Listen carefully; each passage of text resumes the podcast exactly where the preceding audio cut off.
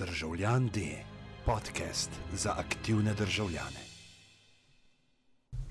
Evo nas, eh, dragi moji, eh, posebna izdaja Državljan D podcasta, eh, recimo mu Državljan D gre na volitve. Z nami v studiu je nosilka liste Povežimo se Urša Zgojznik, pozdravljena. Pozdravljen, državljan. Um, danes smo imeli že en pogovor na eni drugi platformi, um, ampak bova tega ne bova sam ponavljala zadev, ampak jih bova probala malo nadgraditi nadgradit ali pa malo zapeljati v, v drugo smer. Um, mogoče prvo vprašanje, vse je isto ali pa dosti podobno. Z, zakaj iti na evropske volitve, kandidirati za evropskega poslanca? Um, jaz sem deset let v nevladništvu. Recimo, da je to lahko ena obletnica ali pa ena prelomnica. Um, nevladništvo razumem kot aktivizem, kot um, aktivno udejstvovanje na terenu, uh, postavljanje tudi novih okvirov za zakonodajo, mogoče nastavke, pokazati za kakšne nove smeri. V eni točki pa se vprašaš, kaj boš aktivist celo, celo življenje, ker včasih se stvari z lahkoto in zelo hitro spremenijo, če napišeš pravi zakon, popra popraviš stari zakon. In se mi zdi prav, da se tudi v eni točki, ma mogoče bi se morali vsi nevladniki malo vprašati, kaj je zares naš cilj, a iti naprej po eni poti, če si zares želimo enih uresničitev tudi v politiko, uh -huh. ali pa pač um, nadaljevati po tej poti, ki jo je pa treba malo tudi ponastavljati. Ne moreš biti vse čas recimo proti in proti. Um, iskati je treba veliko rešitev, no? in se mi zdi, da marsikdo tukaj pade. Pač, ja, politika je malce delikatna stvar, ampak v resnici je tisto področje, ki najbolj vpliva na naše življenje. Mm. Zdaj, zeleni ekologi, eh, ljudje, ki so eno z naravo, imate to, kako se temu reče, famo ali pa neko o vas gre glas, ne, da ste vi. Ne vem, kaj je vprašanje, ampak odgovor je manj vsega, pa proti biti vsem. Ne, se pravi, ne uh, termoelektrarn, ker je premog, uh, Eh, ne veternih elektrarn, ker so ptiči, eh, ne, ne vem, kakšnih elektrarn, ker so te. Se pravi, kako iz tega obrneš, oziroma kaj bi želela, ali pa recimo, kakšno je tvoje sporočilo ljudem, ki poslušajo tole. Um, da, da, da ne, zeleni niso samo uh, proti, ne, ampak so tudi za. Se pravi, za kaj. Ta zgodba o zelenih uh, se vsakeč znova zatakne. To zdaj vidim, da se evo, politično angažiram v zeleni politiki in mi vsi povejo, ne? podobno, kar ti zdaj praviš. Vi zeleni. Uh, dodaten problem imamo v Sloveniji to, da smo imeli zeleno stranko, ki je bila tudi uspešna. Uh, zgodba njihova se ni končala zelo uspešno ne? in na tem očitno vsi zdaj malo slonimo. Poskusov je bilo več, ampak predvsem se mi zdi ena stvar tukaj ključna zakaj se moramo vedno znova vračati v zgodovino in kaj je bilo vse z zelenimi, danes je čas popolnoma drugačen. Vse se vsi strinjamo, da se stvari uh, spreminjajo zdaj z eksponentno hitrostjo, v parih letih je svet precej nov in tudi zelena politika je danes zelo nova in to nekatere države odlično razumejo. In se mi absolutno zdi napačno, da bi tukaj v Sloveniji stali na nekih okopih iz preteklosti, uh, Dajmo zavrteti ta moment, ki je pred vrati. Vrtijo ga po celi Evropi in če kdo, imamo mi definitivno dobre predispozicije, da se lahko tudi z eksponentno hitrostjo zavrtimo ali pa pospnemo celo še više. Danes pa absolutno zelena politika ni več to, kar ti praviš, vse proti proti in vsega manj, tudi to, ampak predvsem je tu, uh, seveda, smisel je varovanje okolja za vsako ceno, na drugi strani, oh, kako smešno, ne? se je tudi za norno hitrostjo začelo veliko bolj pritiskati na okolje. Mm. Bolj, ko vrtimo gospodarstvo, bolj je potreba potem, da se ščiti okolje. Mm. Ampak danes je finta v tem, da ne moramo biti samo proti proti in samo vsak na svojem koncu, ampak iščemo priložnosti skupaj. Sej vsi zeleni tudi razumejo, da rabimo delovna mesta. Mm. Vsi razumemo, da ni finta v tem, da se moramo vrniti v jame brez stvari. Ne? Ampak je vprašanje, kako jih bomo delali, a hočemo kakovostno uh, potrošnjo, da rečem, če prav potrošnja je napačen termin za mm. mene, um, in kakšno gospodarstvo hočemo, kakšna delovna mesta. A so to delovna mesta samo, da so minimalne plače in čim več teh, ali so pa pač drugačne. In danes Imamo odgovore, da so drugačna. Pred vrati je avtomatizacija, digitalizacija, delovnih mest bo manj, drugačna bodo, vse gre eno z drugim. Mm. Ampak, če greva še malo na to predstavo o zelenih, oziroma na to projekcijo. Ne? Eh, ena od, od stvari, pa si jo zdaj mogoče že malo vrgla, no? ampak vseeno mogoče malo bolj specifično. Uh, ena od stvari je, da, da ne, sej ni noben proti okolju. Ne? Sej, sej noben, recimo, nobena od strank, ki kandidirajo, oziroma od list, ki kandidirajo, poleg, poleg tvoje na, na volitvah, nima v programu napisan, mi smo pa za uničenje, mi se bomo pa prav trudili, da bomo uničili okolje, ker to, res, to je pa res tako malo brez veze, pa fulbol pomemben. Ne? Se pravi, vsi imajo neke te zelene niti v svojih programih, v svojih državah, v svojih izjavah. Ne? V čem je pol razlika, oziroma ali je to samo nek ne vem, poskus da, eh, nekega, nekega pozicioniranja, ali so tudi dejanske razlike med politikami, ki jih potem zeleni v Evropskem parlamentu dejansko izvajajo, sprejemajo, podpirajo, zavračajo, ali ne. Jaz vidim stvar v dveh momentih, ključni. Prvo je to, ja, imajo zapisano, ampak ne se dela tu tvar, da je v slovenskih kampanjah veliko tega, niti slučajno ni veliko tega. Sama sem veliko prebrala, uh, veliko programov sem prelistala pred lokalnimi volitvami in nacionalnimi, sej ni tako daleč nazaj. Mhm. In je bilo tega malo, zelo splošno, brez konkretnih korakov, brez nekih uh, zelo jasnih ciljev. Ja, prizadevali si bomo za trajnostno gospodarstvo. Kako? Napišite kako. Ne? Torej, tega kljub vsemu danes ni veliko. Je veliko tega v drugih državah Evrope, ker sem tudi imela priložnost videti par teh programov. Druga stvar je pa, eno je na listu, list pač prenese vse, super, lepo oblikujemo, slike, infografike, ni problem, ampak kaj se pa potem zgodi v roku meseca, v roku pol leta, enega leta. In tu se mi zdi, da je ta moment uh, preverjanja teh programov absolutno zmanjka. Mm. Vse, vse razumemo, politična kampanja je zelo taka, ne, pripovedovanje zgodbic, Ampak na drugi strani, ja, kako smo pa mi aktivni, kako smo mi zahtevni do naših odločevalcev. A je to pravi pristop, da rečemo, super, noč se ne da narediti, naj delajo po svoje, vsi so pokvarjeni in se dobesedno omaknemo, uh mhm. -huh. ali pač malo gledamo pod prste, včasih kaj zahtevamo, na to upozorimo in to je naša dolžnost. Predvsem se mi zdi, da je to naša dolžnost. Okay, ampak, če gremo še malo v to smer, ne, eh, pa gledamo v bistvu recimo mi, v, v, ne vem, zeleni so bili v, v slovenskem parlamentu na zadnje, uh, deset plus ja. let, se mi zdi. Ne? Na lokalni politiki, oziroma na lokalni ravni, je mogoče malo boljš, ker prihajajo noter, sem pa tja tudi kakšne liste, ki mogoče niso čist zelene, ampak imajo malo. Se pravi, izkušnja ali pa refleks, ki, ki jih imajo slovenci, ne konkretno s temi zelenimi, so na eni strani ali uh, Andrej Čuš, ha, ha, ha ne? ali pa ne vem, Miha je zbinček pred X leti. Ne? Se pravi, da izkušnja zelenih v Sloveniji, oziroma pozicija slika zelenih v Sloveniji, ni glih najboljša.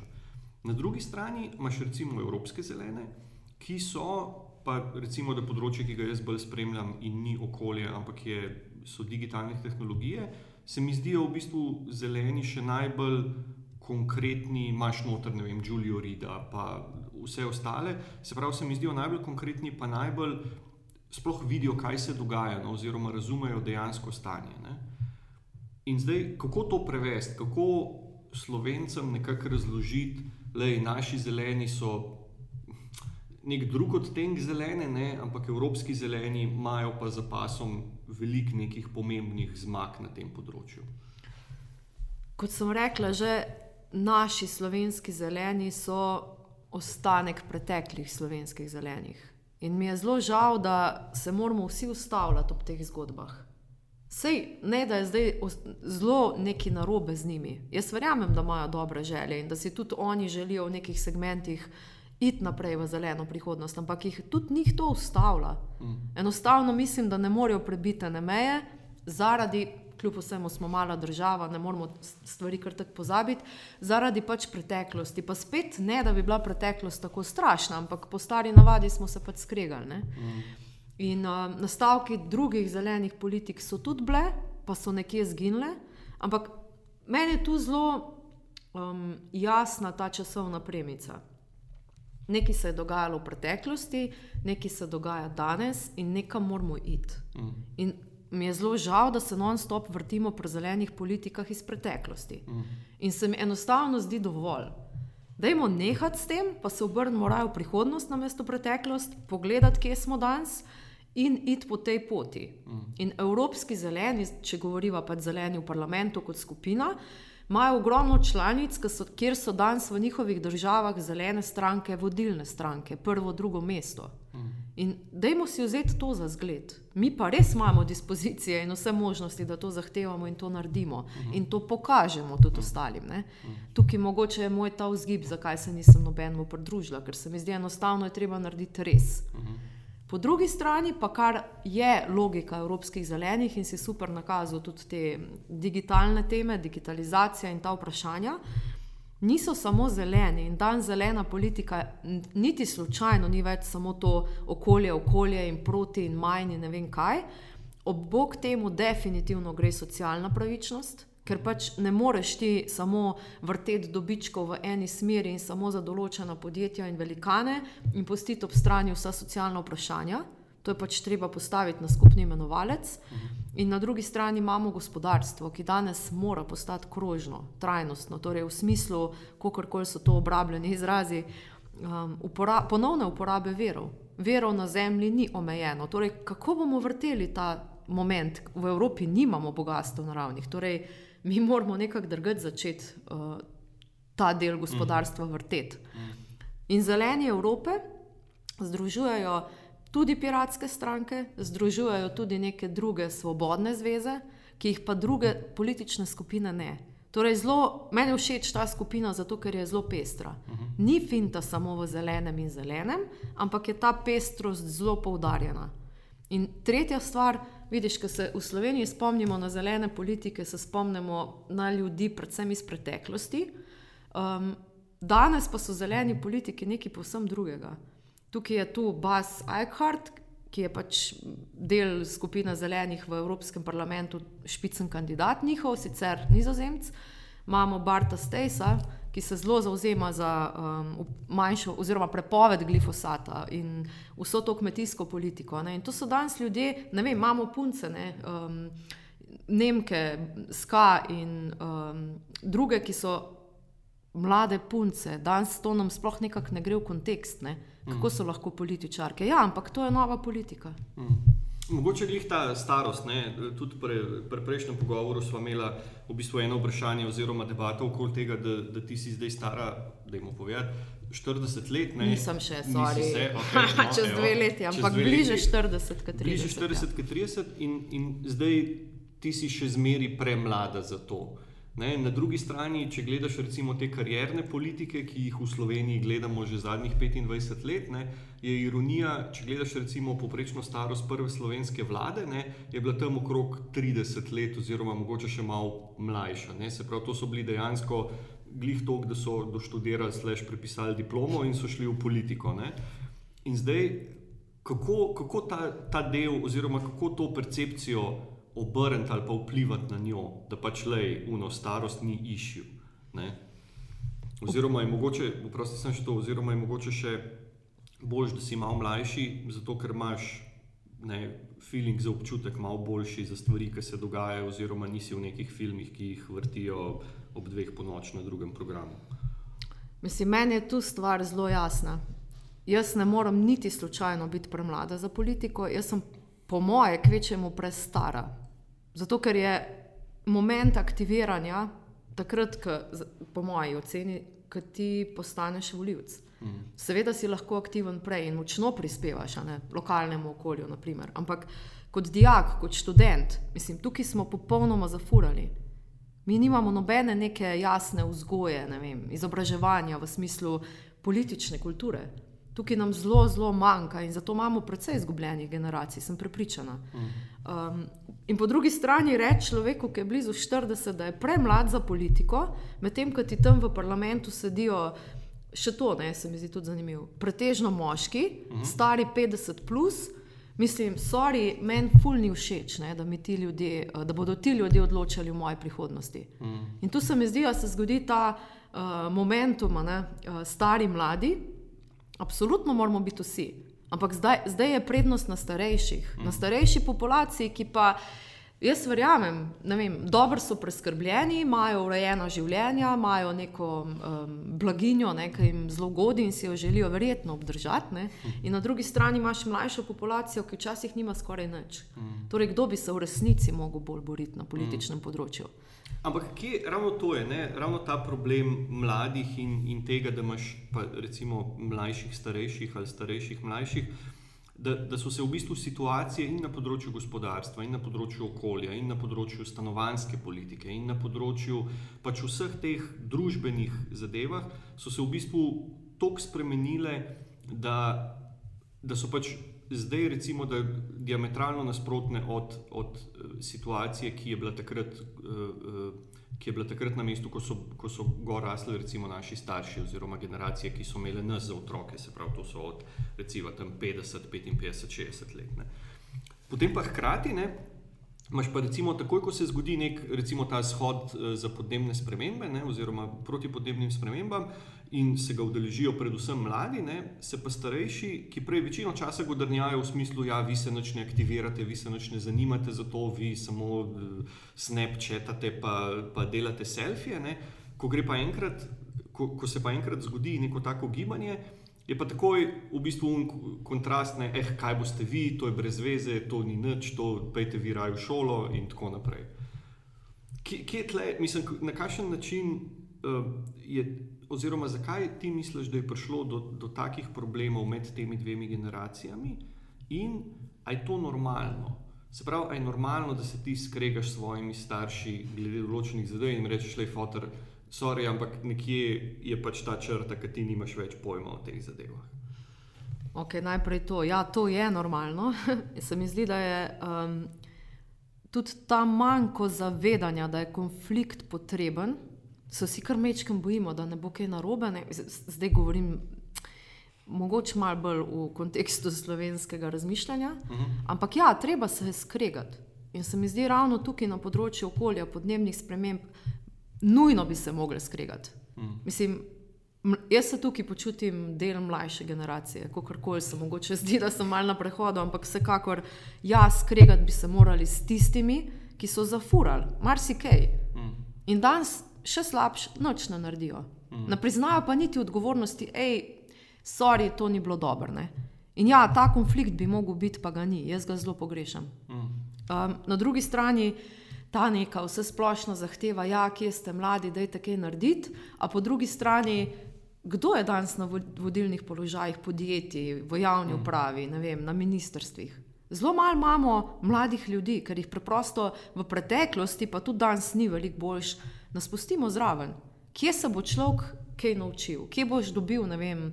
Eh, občutek odgovornosti do širših skupin, kje boš v bistvu treniral ta dela. Mm. In tukaj je pa mogoče ravno moja generacija tista, ki je doživela največji spad. Mm. Potem so se začele te krizice, pa se ni zaposlovalo, spet je postal, nastal dodaten manjko in imamo zdaj en problem, ki je v družbi. Mm. In zdaj, če imamo na eni strani. Polno nekih socialnih nepravičnosti in, in tega razslojevanja v smislu, um, ja, kakšne prihodke imamo, imamo tudi generacijski preskok, precejšen. In se mi včasih že kar zdi, da govorimo različen jezik. Mm. Ampak tu druge rešitve ni, kam imeti pogovore, dialoge, iskati rešitve. In ja, ena skrajnost je ta zahteva. Pejte vsi nekam, ne? mi hočemo imeti okolje za ceno vsega, ne? in na drugi strani zahteva teh, ki so danes na pozicijah, da nimajo za res namena kaj spremeniti, ni te volje, ni politične volje. Ja, kaj pa vse vmes. Mm. In tukaj pogrešam neke aktivnosti in korake, ne, kako bomo to skupaj pripeljali. Mm. Če so mladi ne, imeli shod za podnebno pravičnost, pa šli malo na pogovor potem k predsedniku vlade, ok, jih je sprejel. In kaj zdaj? Mm. Ne, in tu vmes je pa ta moj nevladniški duh, ki vidim veliko možnosti. Uh, ne moramo biti na dveh bregovih, treba bo to, to nekako pripeljati skupaj. Uh mhm. -huh. In mogoče je tudi nevladni sektor tisti, ki ima veliko rešitev, ki ima veliko um, nekih dejanskih projektov že danes. Mm. In tudi mladi bi jih mogli videti, mm -hmm. in tudi vlada bi jih mogla prepoznati. Mm. Torej, zapolnimo ta prostor vmes, mm. pa se mi zdi, da je lahko to, ta pot prava. Mm. Mogoče ravno na to, ne, projekti nevladnega sektorja, oziroma to, da ne, se zadeva konča z neko peticijo, z nekim pozivom, politiko sprejme, se tam pofotka in potem, hvala lepa, šutnemo to v predali in pozabimo. Eh, na drugi strani, ti recimo s svojimi, svojimi, eh, z ekologi brez meja, oziroma s tem, kar ste naredili v, v recimo desetih letih delovanja skozi ne, akcije Očistimo Slovenijo, skozi lokalne kampanje, skozi vključevanje v odločevalske procese, glede vsega, glede vem, problema mučenja živali, glede vem, Lafarža, glede ostalih, ne vem, Magne, glede ostalih teh ekoloških problemov, ki smo jih imeli v Sloveniji, pa so prestali tudi na političnem nivoju. Kako je to težko držati to rečemo, disciplino ali kondicijo, da si pač tam od začetka do konca, oziroma da nisi tam samo zato, da pač, ok, mi bomo zdaj le malo pozirali, da nas skrbi za živali, pa pa, ko bo ta poza mi in bomo šli pa nekaj drugega delati, hukers. Hmm. Jaz sej nevladniki so tudi različni, smo tudi različni. Uh, ampak se mi zdi, če si res nevladnik po duši, si aktiven človek. To pomeni, imaš oči odprte od jutra do večera. To ni zdaj služba, ne, in gremo ob osmih, ob štirih zapremo vrata in čau. Jaz pač sem nevladnik po duši. Pač, če to razširim, si mislim, da sem družbeno aktiven človek. Ne. Sej ni nevladnik nekaj, kar je rezervirano samo za nekatere. Ampak um, ja, te, te odprte oči je treba imeti. In je pa težko vzdrževati to kondicijo. Tudi zato, ker. Um, Če si tak, se enostavno zelo težko zapakiraš v eno službo. Dobro, moraš zelo premisliti. Lahko imaš službo, ki izpolni neke tvoje druge, ne vem, eksistenčne potrebe, pa si popoldan potem skozi hobi aktiven, kar je super, prostovoljstvo je luksus, vedno rečem. Ampak biti aktiven nevladnik pomeni pa tudi to, slediti zelo velikim zakonodajnim spremembam, ukrepom, strategijam, vizijam vlade, recimo, ali pa še bolj, bi bilo države. Um, biti aktiven na terenu, znati stvari tudi zapakirati v nek smiseln jezik, v neko razumljivo uh, besedilo, ne, da te bodo drugi slišali, ker sicer nima vse skupno benga pomena. In zdaj pridemo do tega, da ja, država mora skrbeti tudi za nevladni sektor. In tukaj na okoljskem področju mislim, da še nimamo pravega razumevanja. Finta je v tem, da nevladni sektor higienično spremlja delo vlade ne, oziroma vladnih um, služb, ministrstev in podobno in opozarja na to, kaj bi prvič lahko bilo boljše, kam gre preostali svet, kje so možnosti, tudi zelo konkretni primeri so velikrat na mizi. In na drugi strani, seveda, opozori, ko gre neka, neke, neke stvari predaleč. In tukaj pridemo do transparentnosti. Torej, se opozarja, kaj ni bilo dobro, kaj ni bilo uh, narejeno v skladu z zakonodajo, in so se kršile neke pravice. In to danes v današnji slovenski družbi, žal, ne opozarja skoraj nihče drug kot nevladniki. Mm. In to je pač del neke demokratične družbe take države danes to razumejo, rabimo vse to. Um, mi smo pa mogoče še zmeraj mečkam na prehodu iz preteklega sistema v tej, v tej tranzitni fazi, ne, da bi enkrat to razumeli. Mm.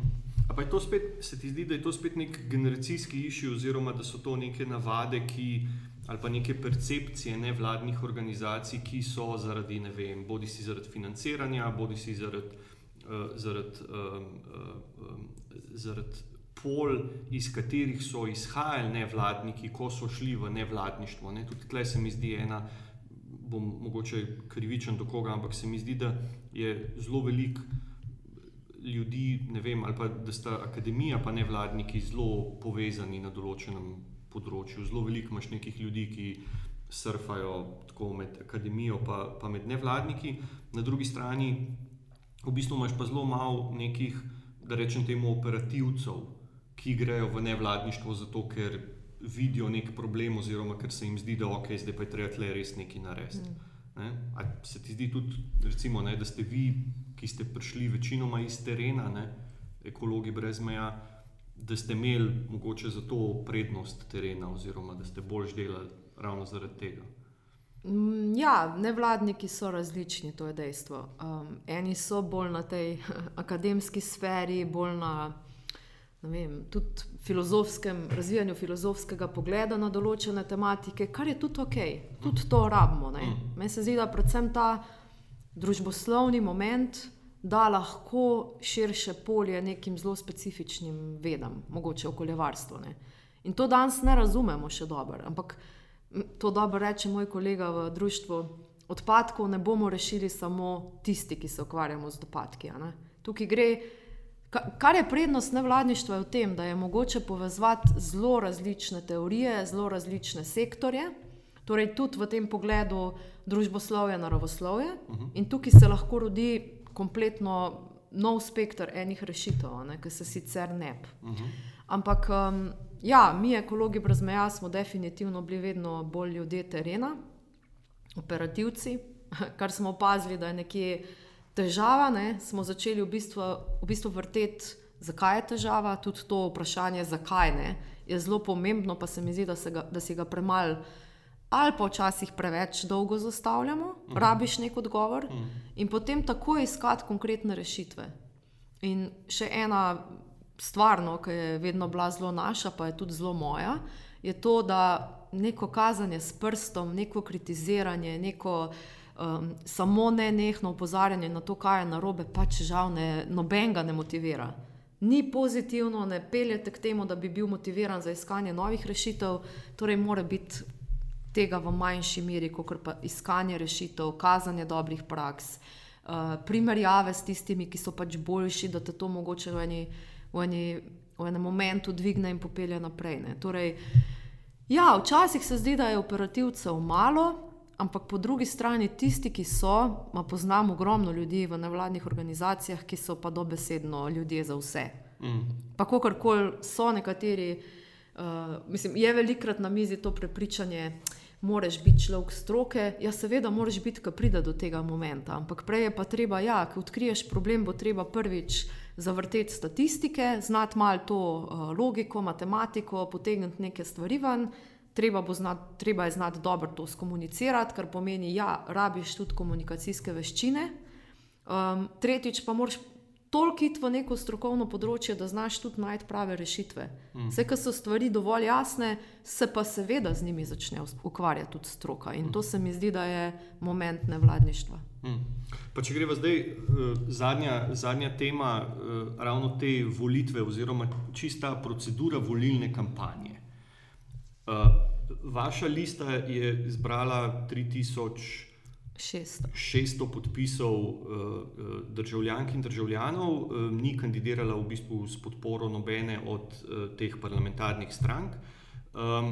Hkrati je v bistvu ravno zaradi tega, meni je bilo recimo zanimivo, ko, ko ste, ko smo ne, vlagali, uh, vlagali podpise in so nam tam rekli, da ja, zdaj pa zaradi tega, ker kaj že nimate podpisov oziroma nimate, uh, nimate poslancev, ne morete imeti logotipa na, na glasovnici. Mm. In je pač ta lista edina brez logotipa na glasovnici za evropske volitve. A so bile še kakšne, po tvojem mnenju, zdaj opažaš, recimo, uh, as you go along, kakšne zadeve, ki pa ne bomo rekli, da so krivične ali pa da so, da so uperjene proti, da nekako podpirajo ali pa vzdržujejo nek status quo teh že obstoječih akterjev, ampak da so tako malo čudne. Ne, ko, greš, ko se recimo državljanke, državljani odločimo, da okay, gremo na volitve in potem najdemo, olej, ne moramo imeti logotipa, ker to, ne moramo imeti ne vem česa, ker uno. Um, si rekel ne samo, ampak meni se to zdi krivično. Mm. Meni se zdi to um, še večje pozicioniranje etablirane politike. Mm. Jaz vidim v tem problem. Ampak na drugi strani vidim tudi problem, torej je odkrit problem, ampak ga je treba zdaj nasloviti in pogledati, če so možnosti, da se to popravi. Mm. Zakaj se v preteklosti ni, nimam pojma. Um, malce mogoče to sovpada tudi z. Meni se zdi, da je naša politična kultura slaba, smo premalo aktivni, zares smo premalo aktivni. Um, in ko se pač naleti na tako stvar, vse poznamo procedure. Pač se vloži nek predlog, pobuda, se poiščejo druge možnosti, ker enostavno ne more biti politika rezervirana samo za nekatere etablirane stranke. Pravica do, do voliti in biti izvoljen je pravica vsakega državljana. Torej, vsi bi se lahko aktivirali večkrat. Več od nas bi lahko upozorilo na to, oprostite, tudi mi hočemo svoj logotip. Mm. Mogoče je to samo neka praksa ali pa mnenje nekoga iz preteklosti, tudi to je zelo pogosto pojav. Mm. Treba je ponovno vprašati, ali je mogoče možnost, je, a, kako bomo zdaj to spremenili, enostavno tudi včasih zahtevati. Mm. In, ja, to je bila ena od stvari, druga se mi je zdela, se mi zdi zelo zanimiva. Uh, v teh časih, ko praktično uh, vsako napoved davkov, vsako pomin, dobiš danes samo še noter v, v tisto furso umestnika, ne, že mm. po pošti, da dobiš več opomina. Torej, super, da smo tako daleč, ne, da smo digitalizirani. Ampak Na političnem področju pa niti približno nismo digitalizirani. Še zmeraj je bilo to nabiranje podpisov izključno in samo na terenu. Vsak, ki te želi podpreti, mora enostavno stopiti do upravne enote, izpolniti papir, A4 podpisati, vrniti nazaj, ne, ker se zdi po svoje zelo staromodno, če smo tako zelo digitalizirani. In uh, tu se mi zdi, mislim, z vsemi certifikati, z vsemi načini, ki danes stojijo, zakaj ne moreš oddati podpisa podpore elektronsko. Mm. Razumem, pogovarjamo se o tem. Obstaja najbrž več nekih vprašanj, ki jih je treba nasloviti, ampak dajmo jih. Ne? Drugo tudi, bog ne daj, ne omeniti um, e-volitve. Mm. Torej, ja, najbrž ni čist na robe pomisliti na to, da so tudi mogoče to neki mehanizmi, da se obdrži status nekaterih takšen, kot je danes. Ampak spet, noben ga nočemo obtoževati. Zdi se mi prav, da se o tem pogovarjamo.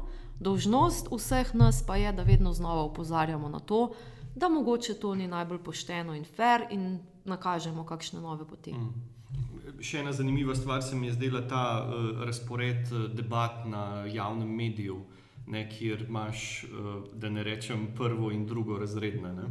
Ja. Tudi to v tem je debata v preteklosti že precej tekla.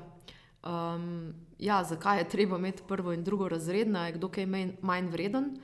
Uh, Meni se zdi 3600 podpisov dobiti, ve samo tisti, ki jih je kdaj zbiral na terenu in jih je poskušal nabrati. To je predvsej podpisov. Vsaj 3600 pa je teh ljudi več, no, ker tudi po oddaji sem jaz še dobivala pisma podpore v nabiralnik. Um, so se izrazili. To pomeni, šli so včasih tudi iz svoje službe prej, da so ujeli delovni čas upravne enote, uh, si vzeli čas, ki sigurno ni to par minut, če se moraš nekam peljati, in vrnili ta list, torej nam vsem ne iz liste. Torej, ja, aktivacija, meni je to vsakič in vedno znova tista stvar, ki jo je treba imeti pred očmi in opozoriti na to, da to ni ok. Okay. Eh, evo, dragi moji, eh, prišli smo do konca eh, prvega dela, državljan, gre, državljan D gre na volitve. Z nami je bila Urša Zgojznik, kandidatka oziroma vodja liste Povežimo se. Ostanite z nami še naprej, predvidoma do konca kampanje oziroma do 25. 26. maja, ko so, ko so pač evropske volitve, bomo objavili še več posnetkov oziroma več pogovorov uh, uh, z člani oziroma članicami liste. Uh, to je zaenkrat to in hvala Urša za, za čas uh, in se vidimo v naslednjem delu. Hvala, Domen.